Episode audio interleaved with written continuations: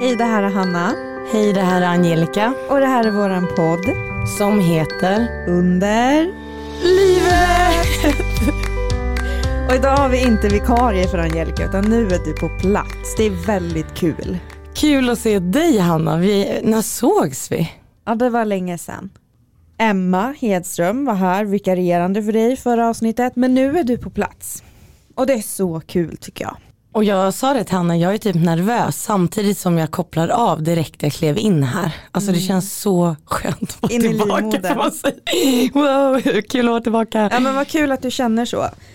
Ska vi berätta vad som hände när vi, alltså det är lite störigt med den här studion för att vi är professionella poddare och ibland för oss så är det folk som lämnar mikrofonerna, de är lösa, sladdarna i huller om buller, det är kaffefläckar på bordet, man städar inte om sig så och det är irriterande. Och idag så var det exakt så. Vi kom när vår poddtid började, studion var upptagen. Eh, det var en man i studion och vi vet ju vem det här är. Och eh, jag, eh, han stod utanför studion men han hade sina grejer i studion och det är ett fönster in mot studion som man ser liksom in i studion. Det är som ett eget litet en egen liten byggnad i hotellets lobby liksom på plan två. Och eh, jag frågar honom, är det du som har studion? Och han säger ja. Och så säger jag, vi ska in där nu och då säger han, aha vilken tid, klockan 18 och klockan är liksom över 18, några minuter över. Och då säger han, har ni, har ni eh, blippkortet? Ja. Och så frågar jag, har du låst dig ute? Och då säger han, nej. Nej. Varför undrar du om vi har blippkortet? Alltså Gud, vi börjar så här irriterande, alltså jag blir irriterad av det här. Ja, ja, ja, ja. Eh, och sen, då går han och så säger jag så här, men klockan 18 liksom. Och då ko- kollar han på klockan och bara, oj då, jag, ja, men jag ska bara hämta mina grejer så får ni det direkt. Alltså Mm, han stod tack. utanför studion och pratade i telefon också men det var fullt här inne med saker. Liksom. Ja, och han, din mikrofon satt lös och det var, nej. Och sen när han ska lämna studion till oss så lägger han en kommentar som får, vi bara tittar på varandra, tittar på honom och vet inte riktigt hur vi ska reagera och det är inte första gången en man kommer till oss i den här poddstudion och, och ska hjälpa oss med tekniken. Och vi behöver inte hjälp med tekniken. Den här snubben säger så, ehm, han pratar om någon USB-sladd. Och så säger han, vet ni hur ni ska göra med den? Och du och jag, vi blir lite så här, vi vet inte vad vi ska säga. Jag visste inte om Hanna skulle hoppa på han som en galen katt samtidigt som hon bara tittar på honom och typ med blicken sa allt, alltså är du dum? Vi Det- har tror en det var det- egen sån. Alltså, håll käften. Och sen bara, lycka till då eller någonting. Jag hoppas att han blev obekväm. Nej, för fan alltså. Alltså helt ärligt, sånt där stör mig så mycket. Mm. Och grejen är att vi har ju faktiskt pratat med den här mannen innan också. Så det ju- vet vilken podd han... Ja vi vet. Fan, vet du, jag, jag säger det. Jag säger vem han är. det, säg det. Börja ordet med bråk. Vi har träffat den här snubben i, i samband med den här studion tidigare för att han, ni vet podden Alla våra ligg, de tjejerna som hade den podden först, de blev ju gravida så att de skulle eh, bytas ut. De skulle lämna över sin podd Alla våra ligg till ett nytt par. Och då var han här för att han skulle intervjuas eller ha någon slags audition eller något sånt där. Eh, och han kom ju inte med. Han blev inte vald. Men han är ju här och gör någonting podd i alla fall. Ja, det var precis det jag kollade upp. Han kom inte med. Nej, han är ju inte en av de som har alla våra ligg idag så bye bye. Bye, bye, bye. Gud är vi jättetaskiga nu? Nej, gud, det är klart man får säga. Jag känner att det brinner i mig när en kille, vit medelålders snubbe bara, ehm, Ja, det finns en USB-sladd där inne. Vet ni Han hur ni visade gör också, med den? han visade, glöm inte, han visade också hur den såg ut. Alltså. Men i studion har vi, vad är det där? I studion så har vi haft ett antal män som ska hjälpa oss med tekniken och idag var du den som höll på att hoppa på men jag har ju varit det förut också. De ska liksom lära oss, vi har ju lärt oss själva. Du har lärt dig att klippa, vi har lärt oss hur vi ska mik- använda mixerbord. Och det, vissa har ju inte ställt någon fråga utan de har ju kommit fram och ska hjälpa. Och vi har köpt egen utrustning med kablarna och det för att det finns ändå aldrig. Nej, exakt. Ja, nu släpper vi det. Jag vill veta, hur mår du Hanna? Och vi har saker att säga det. Hur mår du Hanna? Mysigt. Eh, jo, jag eh, har ju börjat på en ny behandling, REKO, kemisk klimakterium. Och eh, nu har jag tagit den i sex veckor tror jag. Och jag slutar inte blöda. Idag hade jag faktiskt telefontid med min läkare. Och eh, vi bestämde att min sjukskrivning på 50% förlängs till första april. Vilket gör mig lite ledsen för att imorgon har jag ett möte med min chef om så här planering för att jag ska gå upp i tid. Så det blir lite, det blir en liten bump på vägen. Men det är väl okej. Det är väl okej. Skynda, jag får skynda långsamt. Jag, good enough. Så jag får bara svälja det. Jag ska till henne om två veckor bara för att se så att det inte är kvar något från missfallet eller Alltså man kan ju blöda i början av en hormonbehandling så det är ju inget ovanligt men att blöda så länge och liksom så det är bra att kolla upp så att det inte är något på tok liksom. Så det är väl det.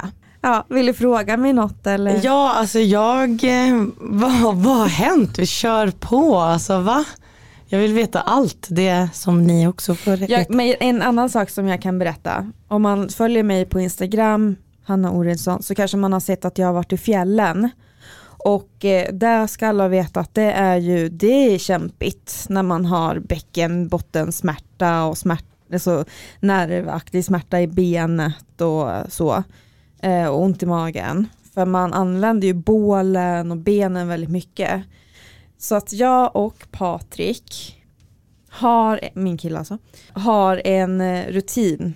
Vi börjar med en jäger och nu har vi övergått till en jäger och en öl. Så, så är Varje dag blev mer och mer eller vadå?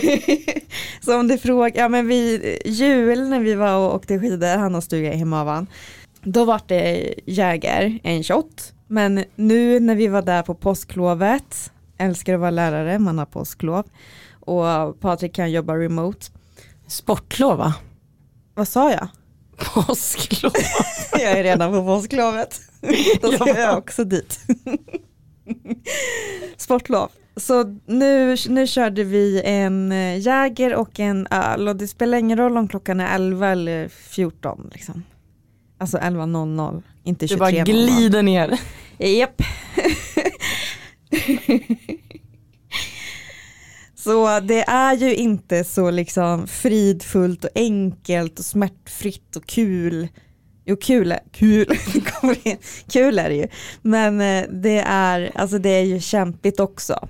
För det var det jag tänkte fråga dig, för att jag gillar ju också att åka skidor, men jag har inte Mm. gjort det på väldigt länge. Men jag tänker så här, hur ont har man på kvällen? Men det vet du inte för då har du hunnit rycka jättemycket.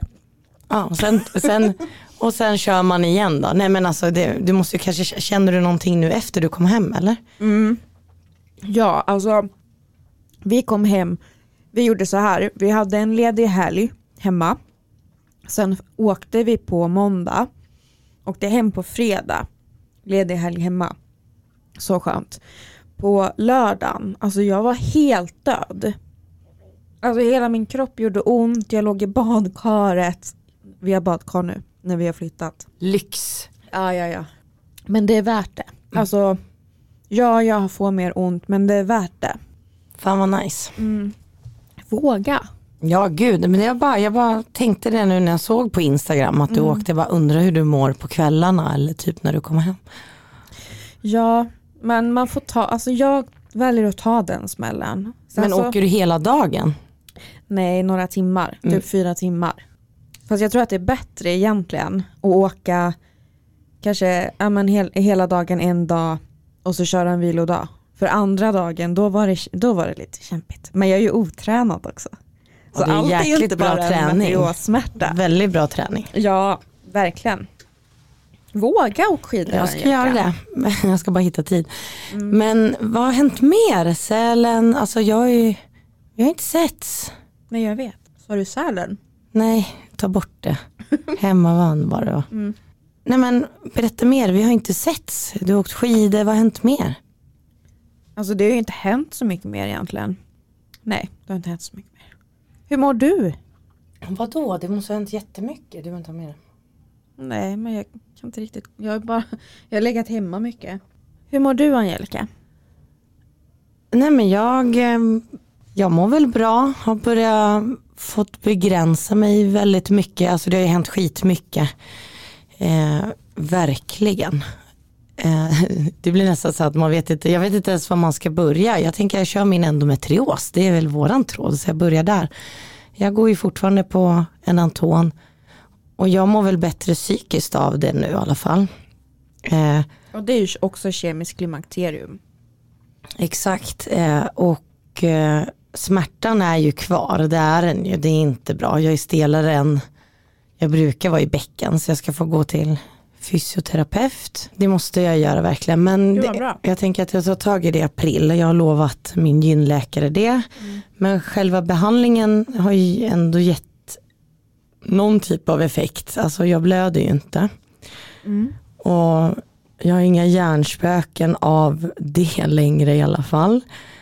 Eh, men jag känner mig fortfarande så här, bäckenet är inte bra. Så att det är väl bra att gå till fysioterapeut.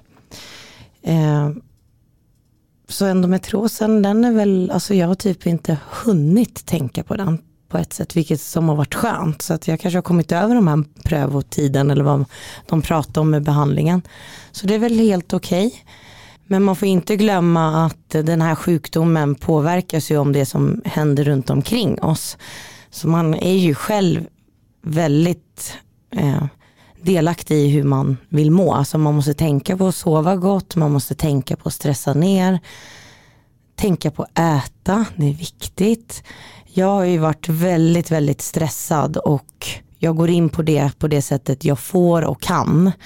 Eh, att det, det kunde liksom gå tre dagar utan att jag åt på jobbet. För att jag har haft väldigt mycket och jag har jobbat typ 8 till 19 varje dag sedan vi sågs. Det är inte okej. Eh, samtidigt då som jag inte haft podden på ett sätt som har varit skönt att Hanna har roddat den.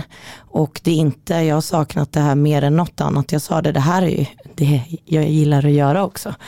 Men eh, det, det har varit väldigt jobbiga dagar, tro mig verkligen. Och det gick så pass långt att eh, när jag och mamma skulle flyttstäda min gamla lägenhet, för jag hade ju den kvar.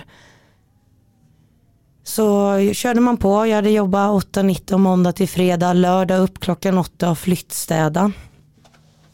Eh, och sen när jag skulle köra hem mamma så kunde jag inte greppa ratten. Alltså det var som att jag, jag kunde inte, jag- kände att jag måste svänga av vägen. Alltså jag kunde, jag hade ingen känsel eller myr, jag vet inte någonting. Och mamma bara, ah, men vi svänger av och så, eh, bara vad är det? Jag bara, nej men vi måste bara överleva, jag måste ta mig hem till dig för jag skulle köra hem henne eftersom att hon hjälpte mig att städa. Och när jag kom dit så bara la jag mig och det bara snurrade och jag kunde inte gå i trappan papperna och ingenting liksom. Och mamma bara, men herregud vad är det som har hänt sen? När åt du sist? Och det här var på lördagen. Då kom jag ihåg att jag åt en Felix kyckling och broccolipaj till lunch på torsdagen. Jag åt ingen middag på torsdagen, jag drack bara ett stort glas vatten för att det fyllde en funktion till att eh, bli mätt. Eh, har sovit i snitt 3,26 timmar enligt min Fitbit träningsklocka så jag har väldigt koll på sömnen. Jag har varit überstressad. Det har varit väldigt mycket. Jag har inte kunnat koppla av.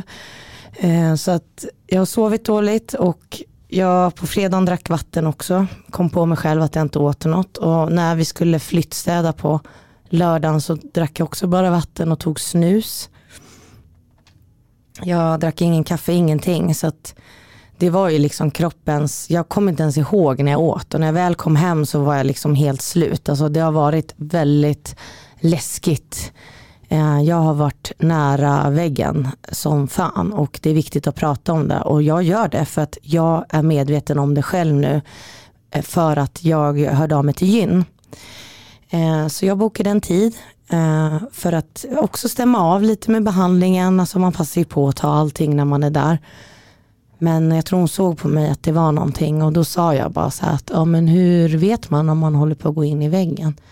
Och då sa hon att Angelica, vad är det liksom? Hon är van att se mig och absolut, hur med att jag gör mycket men att Ja men varje dag jag gick hem från jobbet från tunnelbanan så fick jag hålla i mig för att jag hade obalans. Jag kunde liksom, det var liksom ostadigt. Och eh, gud, det är typ så här, jag blir så här, ah, andas jättemycket. Det är klart jag andas jättemycket, det är ju tunga grejer man pratar om.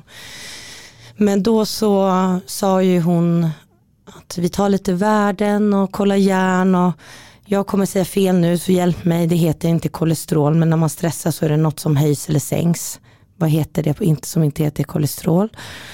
För det är inte det jag menar. Det heter någonting annat.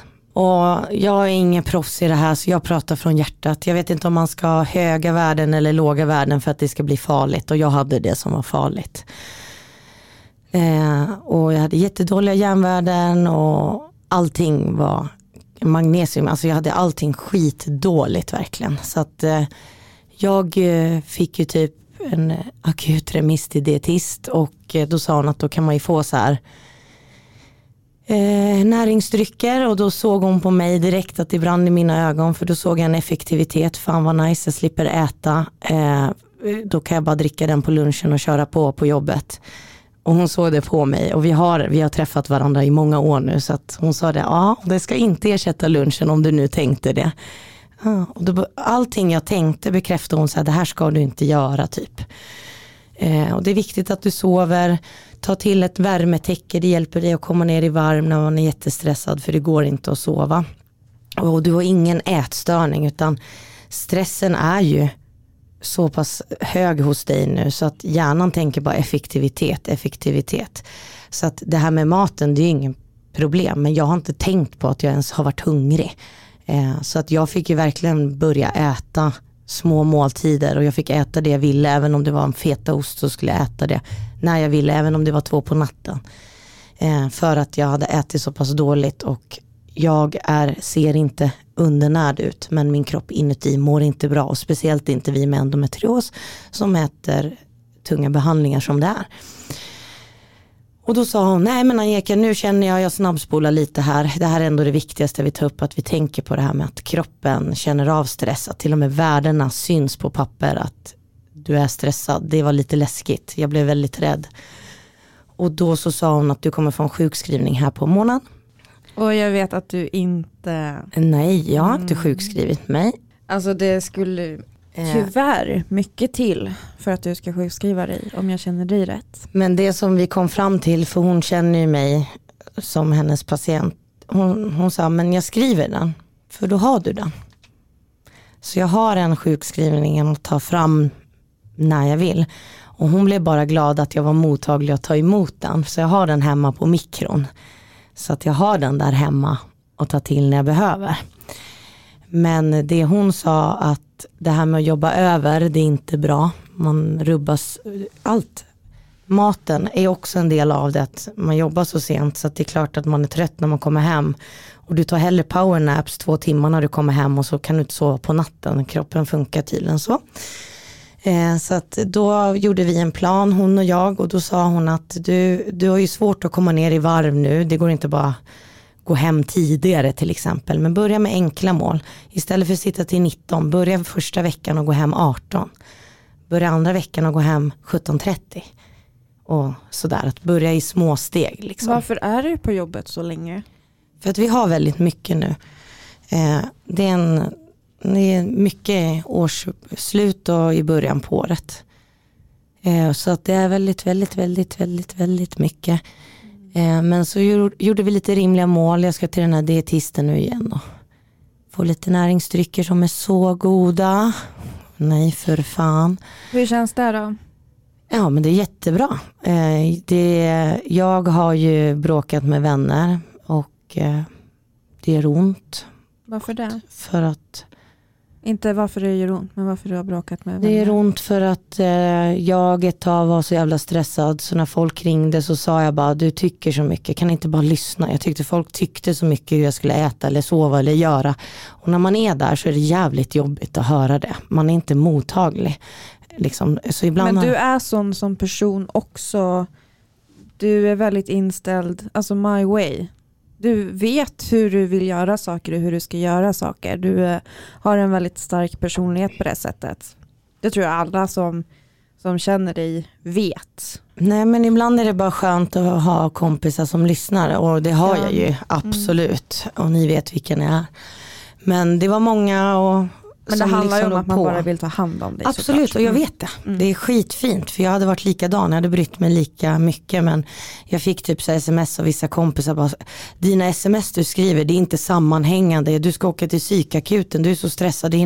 Du vet, så här, det är inte jättekul att höra när man är mitt i det också. Så att det blev väldigt mycket och jag har ju haft stör ej i tre månader. Så att när man skriver med, eller med mig så står det det och när man ringer mig så är det upptaget. Och sen kan det ha ringt 14 gånger och då fattar inte den personen att jag har tystat och så helt plötsligt kom den bakom min dörr. Och det är det, jag behöver inte det.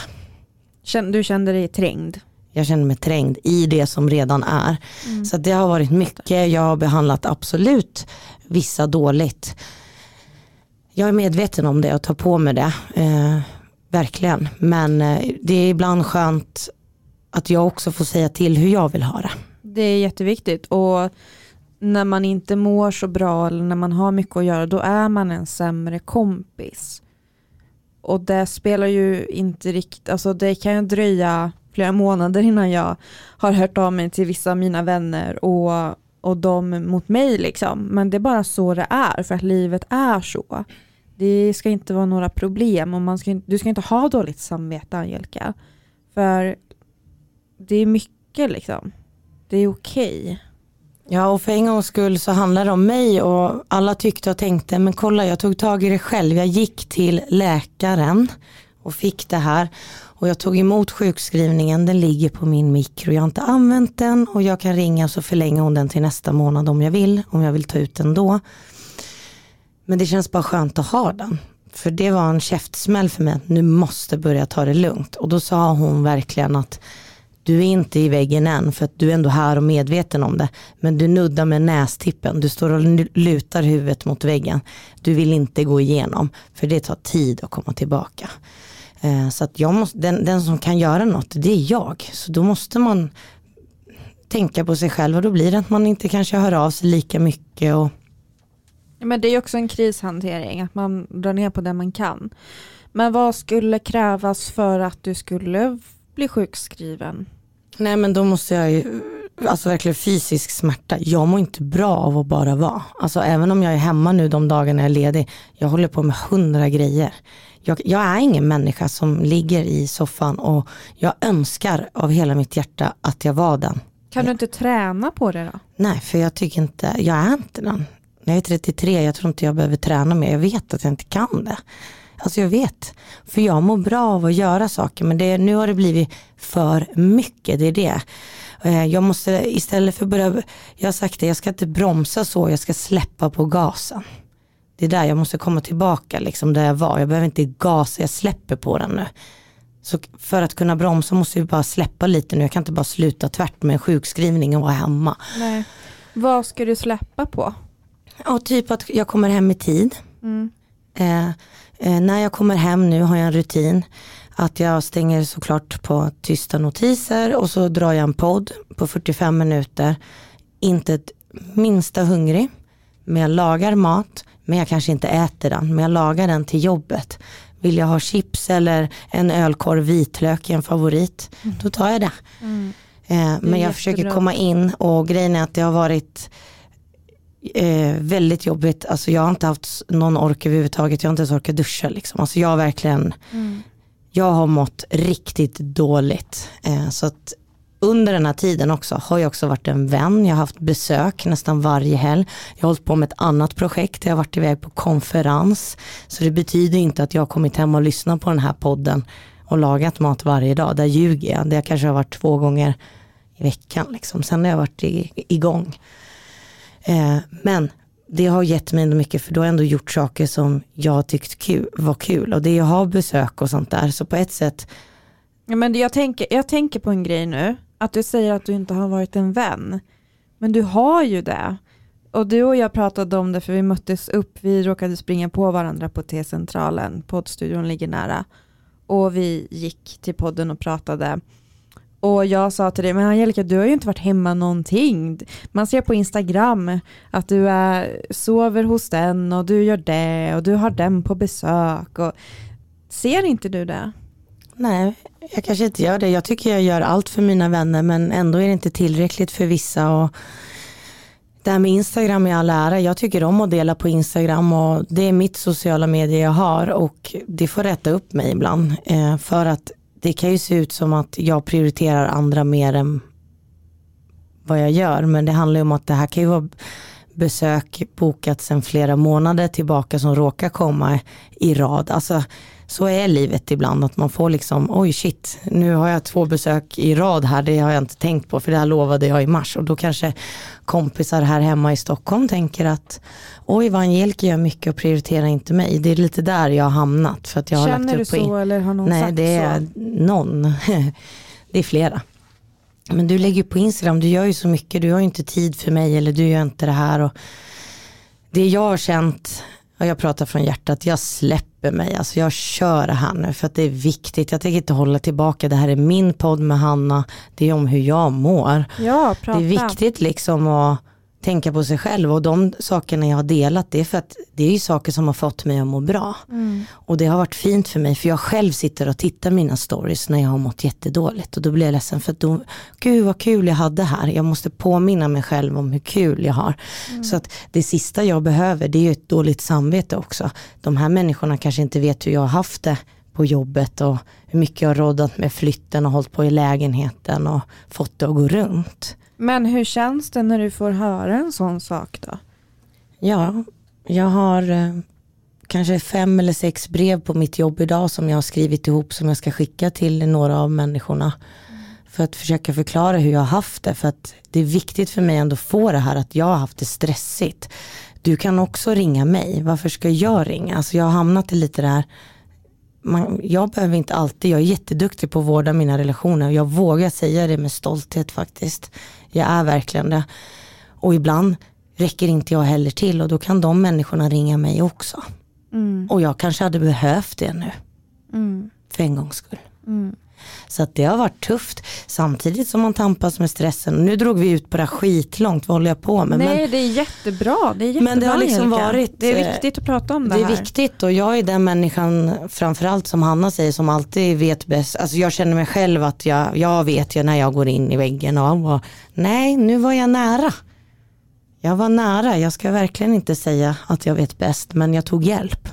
Och här är jag idag, jag sitter fortfarande länge på jobbet och jag har haft tre helger med besök där jag varit värd och gjort frukost och dammsugit och eh, skurat, eller skurat, dammsugit, satt upp möbler, haft en inflyttningsfest. Så att eh, när ni säger att jag inte har tid så ja, jag kanske inte har haft det just för den personen eller dem det handlar om. Jag är en bra vän. Man kan ringa mig också. Jag behöver inte vårda allt. Eh, och räcker inte det så då får man väl inse att då är det slut. Det krävdes att jag själv skulle börja må så här dåligt och det handlar inte ens om endometriosen. På ett sätt var det lite skönt att det inte var endo, om man får säga något sjukt men det var faktiskt skönt.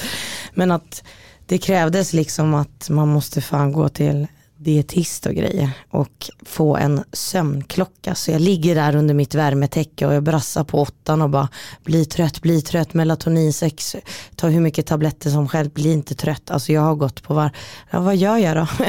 Mina kollegor sa, vad gör du? Nej men då kommer jag hem, då börjar jag plocka i lägenheten för det finns alltid något att plocka när man har flyttat, det vet du.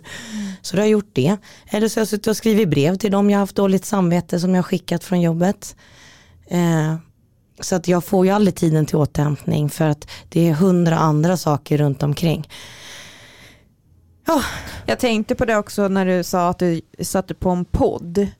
Då maler vad är det för poddar du lyssnar på? Krim. Ja, exakt. exakt. Då är ju inte det heller avkoppling. Jag vet att det känns som det, liksom, men hjärnan bara tar ju emot massa information hela tiden. Så det är ju inte avkoppling. Men jag lyssnade på en intressant podd som dök upp som ett förslag eftersom att jag var inne i det här poddflowet. Mm. Jag lyssnar ju själv även fast jag poddar. Och då kom det upp typ en podd där det stod att man kan dö av stress. Så här, jätterelaterat i där jag var. Och då var det alltså en kvinna i Japan som hade dött med sin mobil i handen där hennes föräldrar hade hittat henne. Alltså jag blev så rädd. Alltså jag vet att jag kör på men nej, nej, nej. Livet är så mer värt än att stressa för. Det är ingen som tackar mig för att jag inte skriver ett hur mår du eller jobbet för att jag sitter till 19 och städar. Nej men jag drog bara några exempel. Alltså, jag, jag vet men jag är inte där än. Alltså jag är inte där än men jag är på väg. Jag har börjat dra mina begränsningar. Jag sover bättre faktiskt lite nu. Eh, jag har sovit faktiskt bra när jag har haft besök. Det har varit mysigt. För att det har varit skönt att sova med någon. Mm. Eh, för annars då tillåter man sig själv. Jag kan inte gå upp och hålla på som jag brukar. Så det har varit skönt. Jag har någon att ta hänsyn Jag har någon att ta hänsyn till. Jag kan inte sitta upp och titta tv så länge som jag brukar göra. Mm. Nej men det har varit mycket. Mm. Vi alla fattar det. Och därför är det ju bra att du också har backat lite, att, att vi inte körde poddavsnitt och att Emma kom in som vikarie för dig. Det är svinbra. Du har också en god nyhet. Kan du inte sätta på den här du, du, du, du, tutan? Okej, är du med då? Ett, två, tre. Jag har en god nyhet för mig själv som jag har haft sedan 2013. Jag har opererats för cellförändringar, jag har gjort allting som går att bränna och allting. Så det sista var ju verkligen en operation för det fanns inte så mycket att ta bort på den här livmoderstappen som man var tvungen att söva mig liksom. För att det finns ju begränsningar hur mycket man kan skrapa och allting. Eh, men jag fick ett brev här i januari där eh, det stod att i princip vi skriver ut dig eh, du är, alltså på riktigt, man kan säga det friskförklarad. För har man gått med cellförändringar så länge som jag har gjort, det kan ju utvecklas med tiden till cancer. Och jag har ju haft det sedan 2013 och gått varje halvår medan alla andra går var tredje år eller vad det är. Nu är jag utskriven, jag har inga cellförändringar höggradiga som jag haft i flera år. Jag har inget HPV. Så det är med glädje vi meddelar dig och jag vill bara säga det, alltså det är jätte jätte, jätteskönt för att det är en jobbig grej. Alla de här undersökningarna är ont när man har endometrios. Och det det stod i brevet och jag skulle ha tagit med mig det men jag kan det utan till så ni får bara höra mina ord. Och då stod det att nu när du är helt friskförklarad då rekommenderar vi dig att ta HPV Gardasil. Så jag behöver ta tre doser Gardasil. Vi får ju bekosta dem själv nu i den här åldern, 2000 kronor per spruta. Men jag visste inte att man kunde ta det. Jag trodde att det var för sent. Liksom, att man Alltså att man skulle ha tagit det, för när jag var ung så fanns inte det på Nej, samma sätt. Precis. Men nu har jag liksom överläkaren skrivit att jag ska gå och ta HPV nu, så innan jag har sex med någon så måste jag ha tagit de här för mig själv så att jag inte hamnar där. Men jag är helt fri från cellförändringar nu. Så jag vill bara säga det är faktiskt en god nyhet. Det tar jättemycket tid som jag tjänar in på det här. nej, nej, jag ska inte tänka effektivitet men Ja men grattis Angelica. Ja men det är jätteskönt. Jag har haft det sedan 2013 och det är klart man har gått med en oro. Jag vet många av mina vänner som direkt har blivit, gud jag har lätta cellförändringar. Det här är en oro i mig. Jag har ju gått med det så många år och det här HPV de visste inte, men nu efter så är det helt borta. Så nu ska jag ta det här och jag visste inte att man kunde det. Så absolut, jag ska boka tid på Svea vaccin och ta HPV-sprutorna. Så det är en jätterolig mm. nyhet. Gud vad fint att höra. Och en annan grej är ju att du har varit iväg på en två eh, konferens tillsammans med LÖF, eller hur? Och LÖF är ett svenskt försäkringsbolag inom patientförsäkring. Så man till exempel har eh, en diagnos som man har eh, fått väldigt mycket för sent eller en skada eh, så ska man anmäla det till LÖF. Jag är ingen expert så googla LÖF, L-Ö-F. Och vad har du gjort med dem Angelica? Berätta. Nej, jag har ju fått äran via Barnendometriosfonden, Katarina, ordförande, att eh, få vara med och eh, delta som ett patientperspektiv för att förändra barnendometriosvården.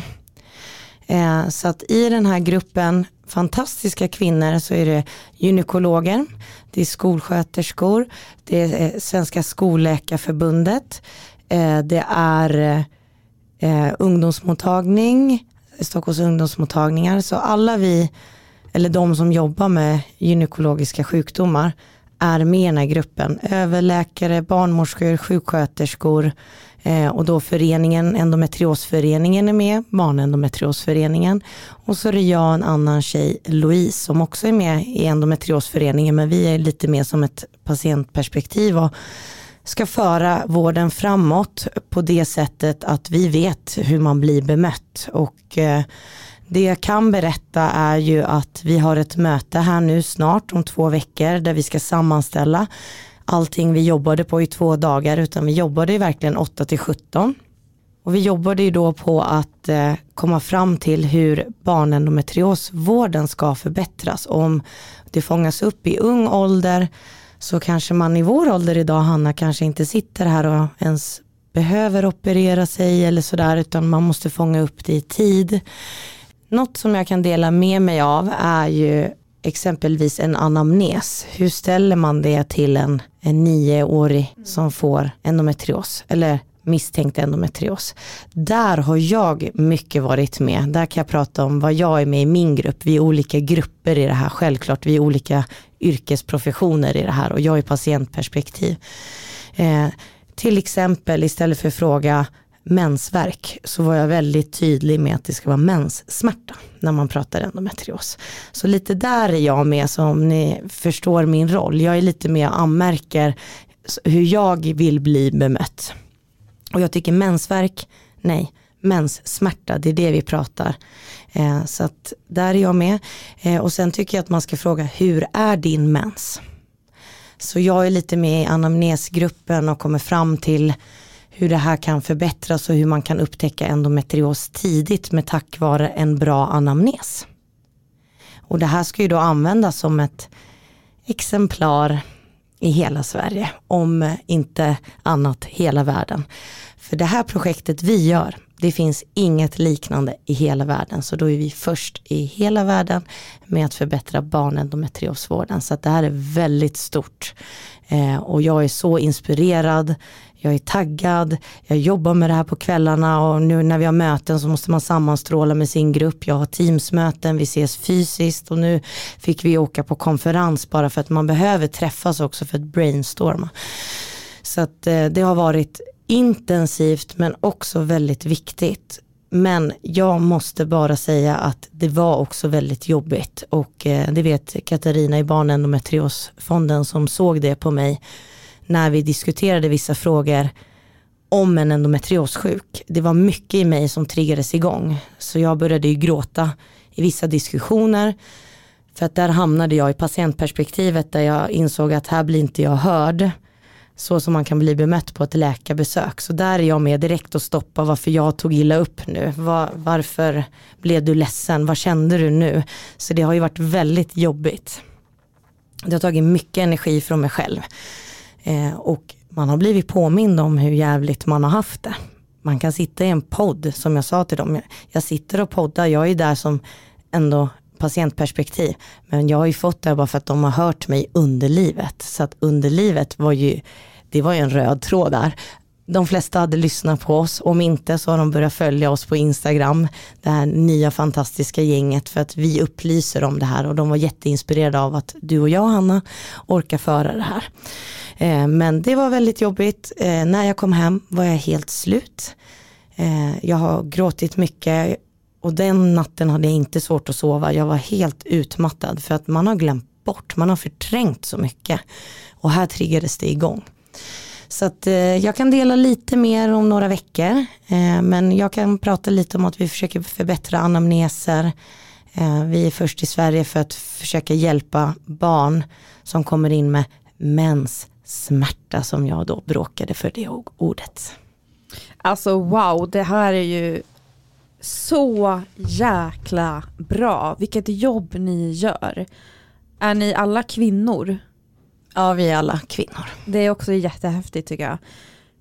Hur var stämningen där förutom att det ibland var liksom svårt och jobbigt och känsligt och så?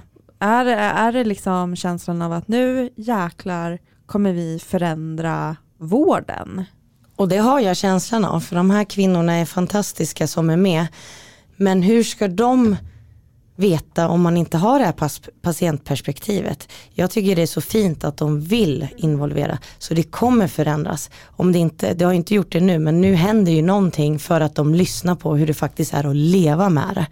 Så jag och Louise delade ju med av oss av våra historier och hur vi har blivit bemötta, hur vi vill bli bemötta, hur vi inte vill bli bemötta, vad man ska fråga och vad ni, vad ni måste fråga. Eh, för att det inte ska gå åtta år till en diagnos eller mer. Och det är så himla fint att ni orkar göra det jobbet som sjuka. Som du säger, ni satt liksom från 8 till 17 eller 9 till 17 eller vad du sa. Och ni pratar om det, det är jobbigt att prata om och sen så känner man sig helt urlakad. Så jäkla bra ni är och så viktigt att ni gör det här, att ni orkar. För ni gör det ju inte för er själva. Ni gör det ju för barnen. För det är så fint. Det är så fint och det är det, det, är det här jag brinner för. Så mm. tack vare den här konferensen, mitt i den här stressen, även fast jag är liksom duktig på mitt jobb, men jag fick känna mig behövd. Mm. Jag kände bara, jag gör förändring. Jag kanske inte kommer må bra med min endometrios. Men det behöver inte, man måste tänka brett. Jag vill inte att någon annan ska må så som vi har gjort. Mm. Det måste hända någonting och det är på väg. Mm. Det var så fint i alla fall efter de här dagarna. Eh, jag behöver inte säga namn men det var ju läkare och barnmorskor och sånt. Och då fick vi väldigt fina meddelanden när vi hade delat våra stories. Och här är ett. Det har varit väldigt givande och så viktigt för oss att få dela med dela detta mer för att kunna skapa en förändring inom endometriosvården. Jag är så glad att det finns ett engagemang inom vården och regionerna. Tack ni deltagande som var med och delade era patientperspektiv. Utan er så hade det inte gått.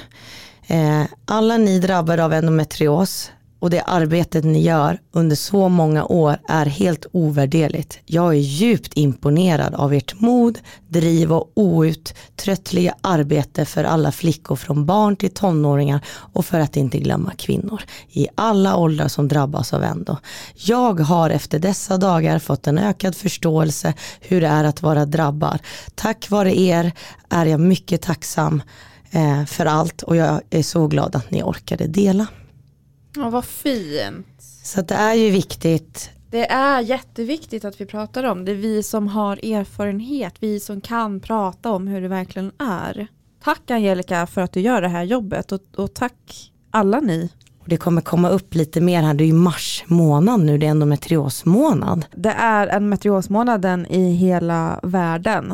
På eh, Instagramkontot endometriosen måste jag ändå få uppmärksamma. Det är ett konto som jag startade 2016 när jag precis hade fått min diagnos och eh, åren har gått nu och vi är eh, ett antal kvinnor som skriver på det här kontot. Vi har en varsin dag i veckan. Men varje år så har vi lämnat ut vårt konto för att uppmärksamma mars, en matriosmånaden, för att visa på att vi är olika kvinnor som lever så olika liv. Sjukdomsbilden är inte den andra lik mellan oss vi är många som har väntat väldigt många år och gått igenom väldigt många läkarbesök innan vi fick en diagnos. Så varje dag i mars så lägger vi ut ett nytt Instagram-inlägg med en person som har endometrios eller har misstänkt endometrios. Det är jätteviktigt för oss att man måste inte ha en fastställd diagnos för vi vet ju att det dröjer så det är väldigt viktigt.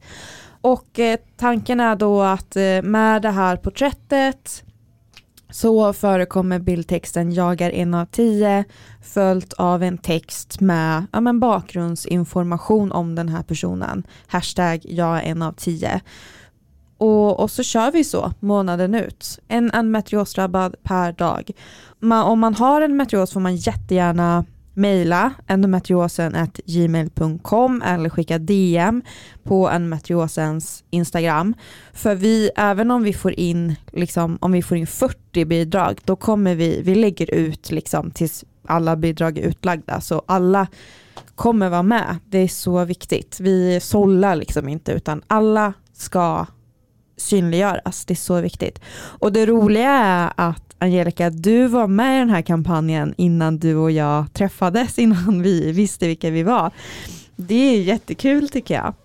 Och jag kan säga till er som funderar på att skriva, gör det. Det här var också som en bekräftelse för mig själv, jag är inte ensam. Så när jag skickade det här inlägget, även fast det var felstavningar, alltså det var viktigt för mig. Så att det här inläggen, det gör mycket, inte för andra men också för en själv.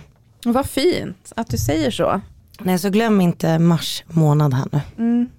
Ska vi sätta punkt där för idag? Så får du åka hem och göra mat. Ja, det kanske vi ska göra. Eh, glöm inte att ta hand om er själva och även fast jag säger det, jag är faktiskt mer medveten om det nu. Mm. Eh, tänk på er själva. Eh, man kan ha vänner och familj, men den människa man ska leva med i resten av sitt liv, det är en själv. Eh, och det måste vi komma ihåg. Eh, jag glömde det och det höll på att gå riktigt illa. Jag är fortfarande på väg att komma tillbaka. Så tänk på er själva och vi är också kroniskt sjuka vi som lyssnar och ni som inte är det, tänk också på er själva. Det är viktigt. Hälsan går först.